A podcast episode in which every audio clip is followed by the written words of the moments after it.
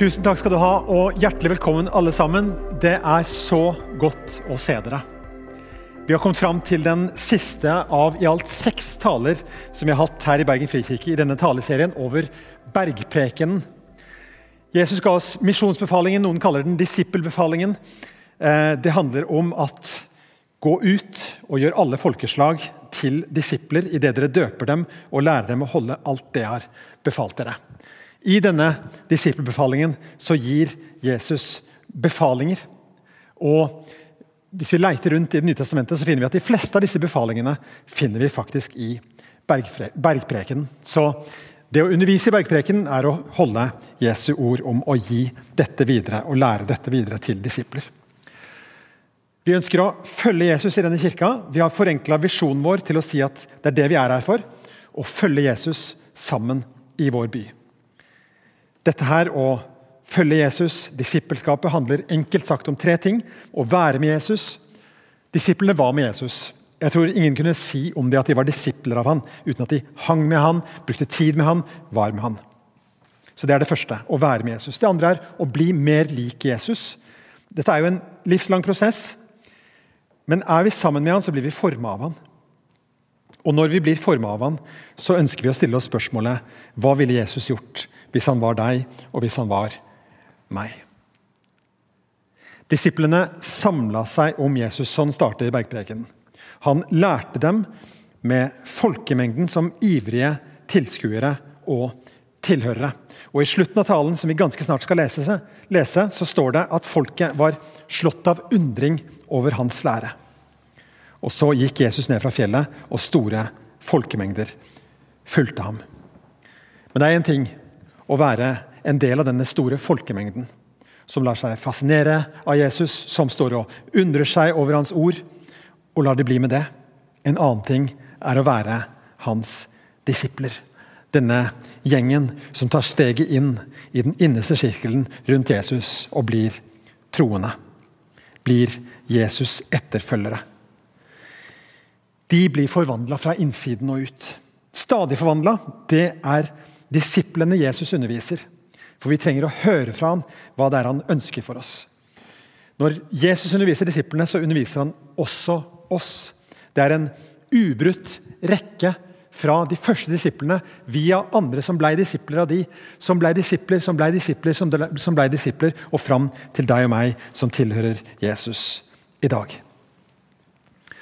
Og så er vi frelst vi har kommet til tro på Jesus, ikke fordi vi har fortjent det, men fordi Jesus har fortjent det for oss. På grunn av Jesus så har vi retning mot vårt himmelske hjem.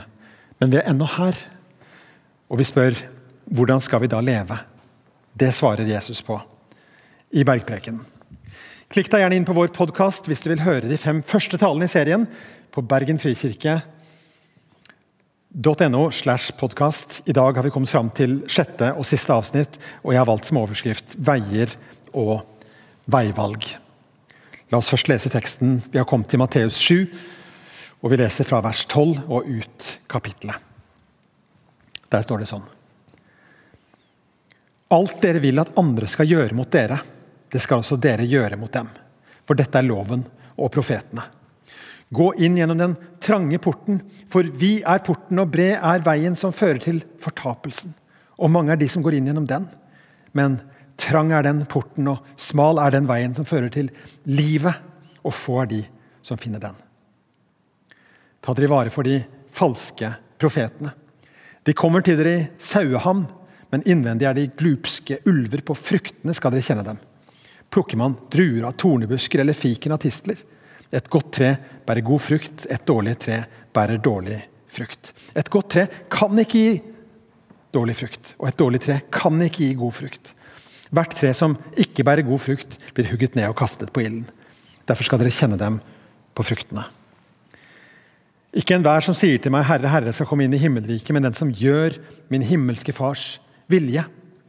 Mange skal si til meg på den dagen 'Herre, Herre, har vi ikke profetert ved ditt navn, drevet ut onde ånder ved ditt navn og gjort mange mektige gjerninger ved ditt navn? Da skal jeg si dem rett ut. Jeg har aldri kjent dere. Bort fra meg, dere som gjør urett. Vær den som hører disse mine ord og gjør det de sier, ligner en klok mann som bygde huset sitt på fjell. Regnet styrtet, elvene flommet, og vindene blåste og slo mot huset. Men det falt ikke, for det var bygd på fjell. Og hver den som hører disse mine ord og ikke gjør det de sier, ligner en uforstandig mann som bygde huset sitt på sand. Regnet styrtet, elvene flommet, og vindene blåste og slo mot huset. Da falt det, og fallet var stort.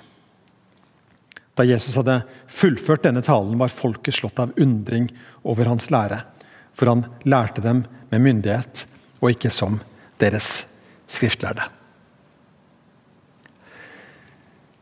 Det er fra det avsnittet vi har lest nå, at det kjente uttrykket 'ulv i fårklær' kommer. Selv har jeg aldri vært ulv i fårklær, men jeg har en gang vært får i ulveklær. Det skjedde mens jeg var student her i Bergen, seint på 90-tallet. Eh, jeg hadde akkurat eh, blitt uteksaminert fra Misjonshøgskolen på Fjellhaug i Oslo. og Frommere mennesker gikk det ikke på to bein. Det var i hvert fall min egen uh, vurdering av situasjonen. Jeg studerte iherdig på den tiden. Uh, drev ikke så ofte ned i byen. Uh, barberte meg ikke hver dag. Men skulle jeg først ned i byen, så var det greit å slå sammen ærender. og Denne gangen hadde jeg slått sammen to ærender. Det ene var at jeg hadde kjøpt meg en ny rød og fin brekkstang fordi jeg skulle drive med noe oppussingsarbeid. Kjøpt den på Vallendal, ja. Og så var det sånn at når jeg først var nede i byen, så var det jo litt fristende å gjøre en annen ting med det samme. og da, Derfor så tok jeg med meg en, en bærbar PC som jeg bare hadde blitt liggende, som ikke hadde bruk for sjøl.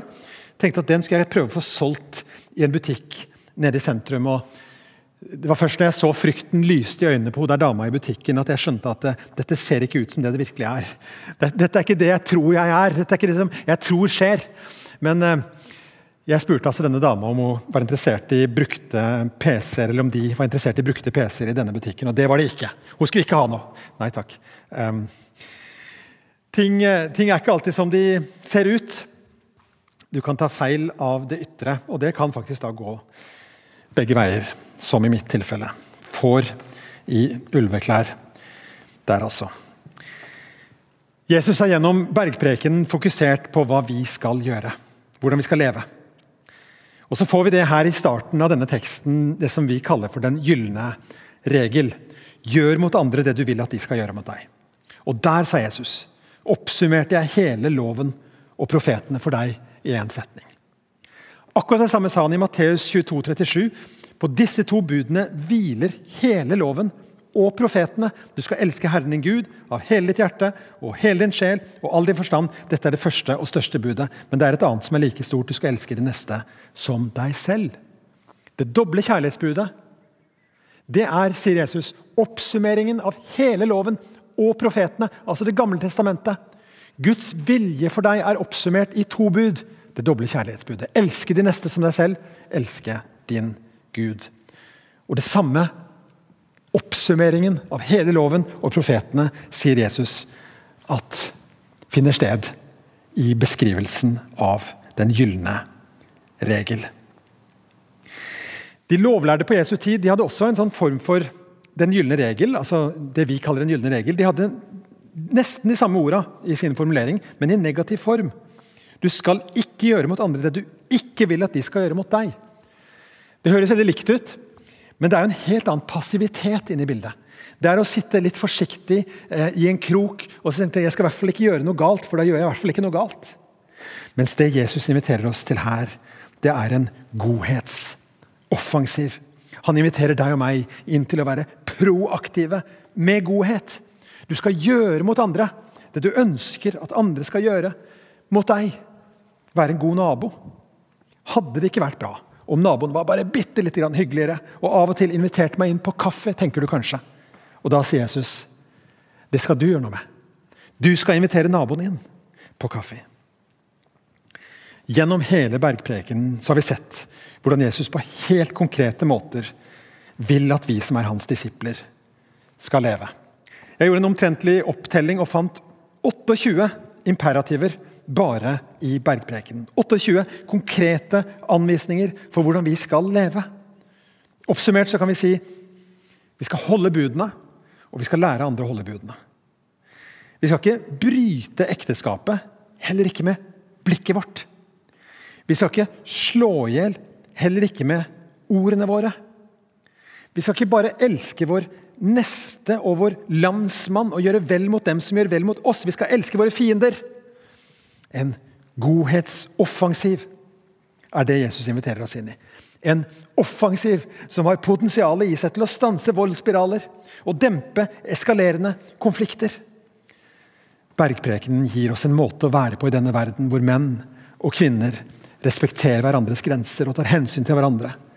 En kjærlighet som gir uten å vente å få noe tilbake. Det dere vil at andre skal gjøre mot dere, det skal dere gjøre mot dem. Legg merke til hvordan ordet 'gjøre' dukker opp gang etter gang i denne teksten. Helt til slutt i talen, når Jesus skal oppsummere, så sier han at ja, forskjellen på den som bygger huset sitt på fjell og, og den som bygger huset sitt på sand, er følgende. Begge gruppene hørte hva jeg sa, men bare den ene gruppa gjorde etter det. Sterkere kan det ikke understrekes. Disippelliv. Det er ikke en filosofi. Det er ikke en teori. Det er ikke en måte å tenke på. Det er ikke å ha de rette ordene i sin munn. Det er en væremåte. Det er en livspraksis. Men det begynner ikke der. Det begynner med en relasjon. 'Jeg har aldri kjent dere', skal Jesus en dag si til folk som hadde alle de rette ordene på plass. Og som til og med Og dette forstår jeg jo ikke. For de hadde altså så kraftige gjerninger at de drev ut onde ånder og de gjorde mektige gjerninger og mirakler i Jesu navn. Og Jeg kan ikke forstå at mennesker som ikke har ting på plass med Gud, likevel kan være bærere av denne kraften. Men Jesus understreker altså her at det handler ikke om tjenesten du gjør for meg. Det nytter ikke å dra pastorkortet eller vise fram medlemskapsbeviset fra Bergen frikirke eller andre gode sammenhenger. Det handler altså ikke om hvilke ord du sier. Det handler ikke om å gjøre en fantastisk jobb. Men det handler om hvilken relasjon du har til Gud gjennom Jesus. Jeg har aldri kjent dere. Og Legg merke til det, disse som han sier det om de gjorde urett. Tilbake til gjøre-perspektivet, altså. Men det er en sammenheng. Det begynner med en relasjon. Og Derfor sier Jesus i denne teksten disse alvorlige ordene om å gå inn gjennom den trange porten. Det er en vid port også. Og Det er den porten du går inn når du bare følger strømmen. Du trenger ikke å merke at det er en port engang. Men så er det en smal vei og en trang port som Jesus inviterer deg til å gå inn igjennom. Det var en som sa det sånn, Den breie vei og den smale vei ligger på akkurat samme sted, men bare det at den smale har stikk motsatt retning. Det må også en omvendelse til. Og det er jo, det er jo sånn, Vi er jo på den samme jorda. Vi, på, vi bor jo i samme, det samme landet, vi er jo en del av den samme kulturen. Men noen av oss har altså en retning som er totalt annerledes og betyr at vi har snudd. Det betyr at vi har omvendt oss. Vi har, en, vi har hatt en livskurs som ikke gikk riktig vei, og så snudde vi. Omvendelse må til.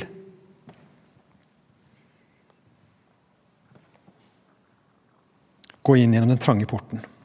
Trang port. Smal vei. Og Da er vi tilbake til bergprekenens åpningsord. Salige er de fattige i ånden, for himmelens rike er deres. Vi vil være rike. Vi vil, vi, vil, vi vil, gjøre store ting, vi vil, være, vi vil, ha suksess. Men Jesus sier salige er de fattige i ånden. Salige er de som sørger for de skal trøstes. Vi vil være lykkelige, vi vil ha det bra. Vi vil, seile på en rosa sky.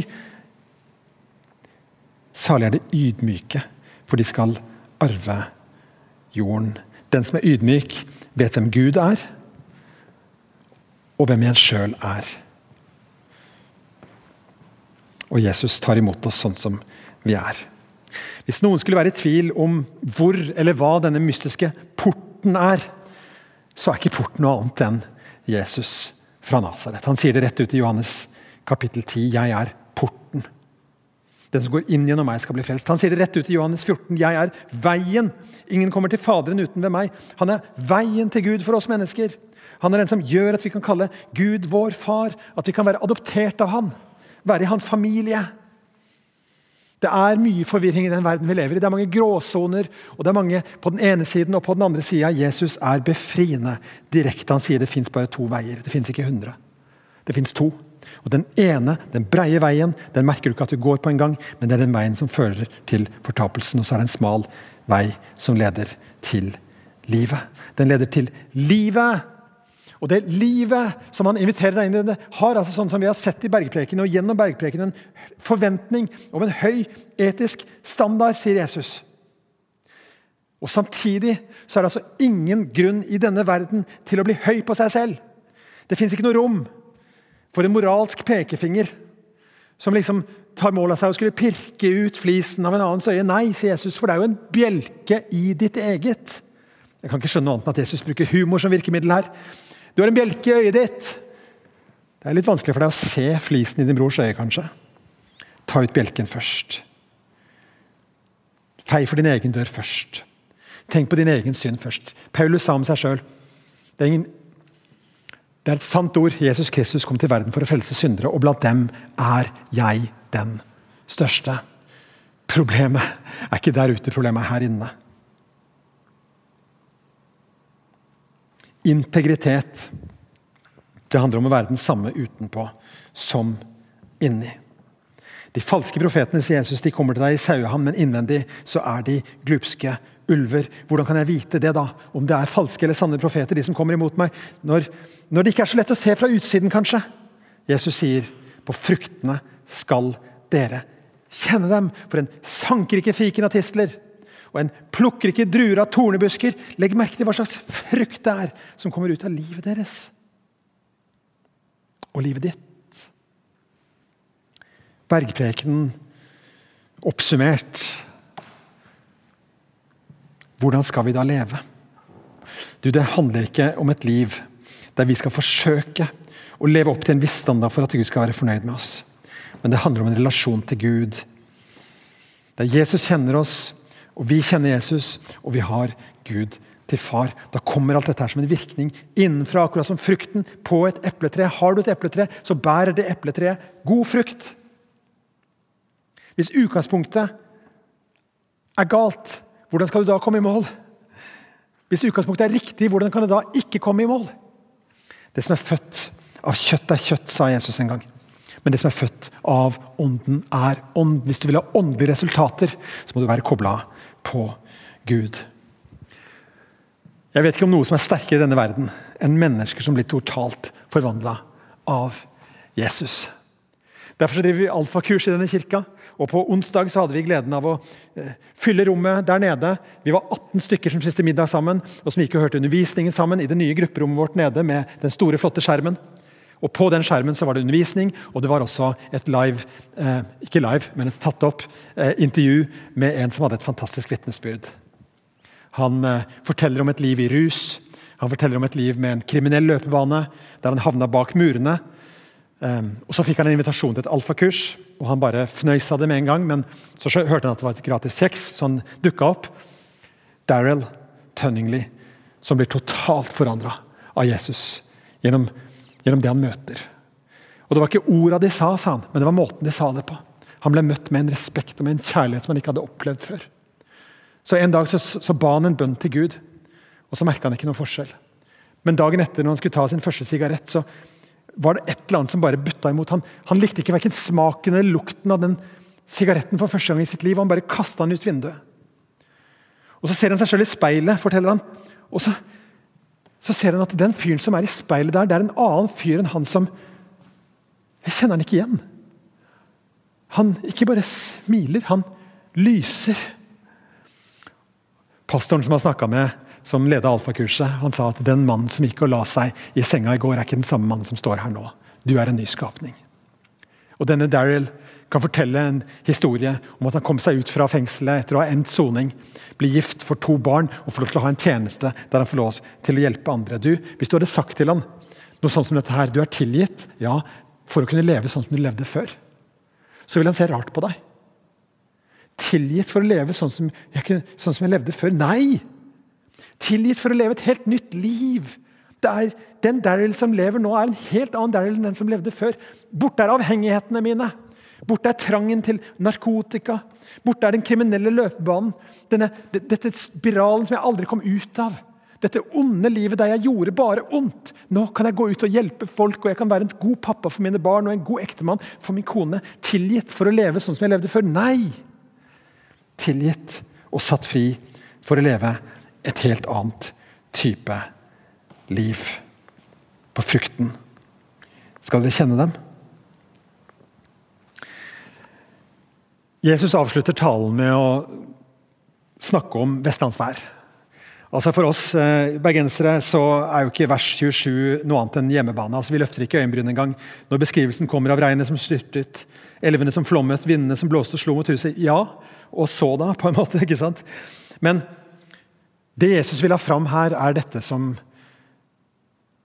er så alvorlig, og det er det at vi som mennesker vi rammes alle av omstendigheter på et eller annet tidspunkt i livet. Og Hvis du er her og er blant de yngre, så er det egentlig bare et spørsmål om tid.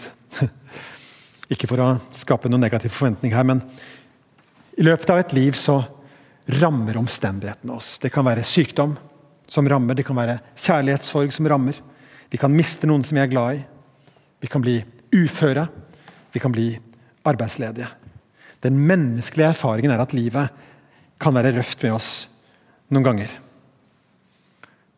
Og Det som da avsløres, det er hva slags fundament det er vi står på. Jesus er veldig tydelig på at hvis huset vårt er bygd på sand, så vil det ramle sammen som et korthus som sklir bortover bordplata.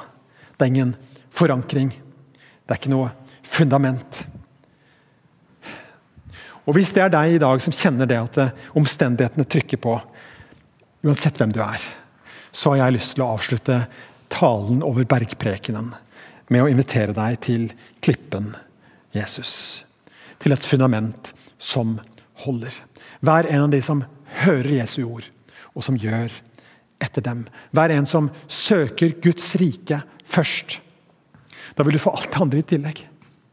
Hver en som takker ja til tilbudet om å få lov til å ha Gud som din far. For det forandrer alt. Jesus talte til dem med myndighet. Ja, han gjorde det fordi han er Jesus. Han talte ikke til dem som de skriftlærde eller som de lovlærde. Han talte ikke til dem på noen annen måte som noen annen har talt. Han talte med en myndighet som er fra Gud vår far, fordi han er Guds sønn. Han er Jesus, og han er den som sier 'bygg livet ditt på meg'. Hør ordene mine, og gjør etter dem. Invitasjonen til deg er en invitasjon til å bli kjent med Jesus og til å være kjent av han. Den som tar imot han, som bøyer seg ned, finner den trange porten som er Jesus-shaped, som vender seg til han, bort fra sitt eget, blir en av hans. Han blir forvandla fra innsida og kan leve et liv der Guds kjærlighet med ord og med handling rekkes til en verden som trenger det mer og mer ettersom tiden går.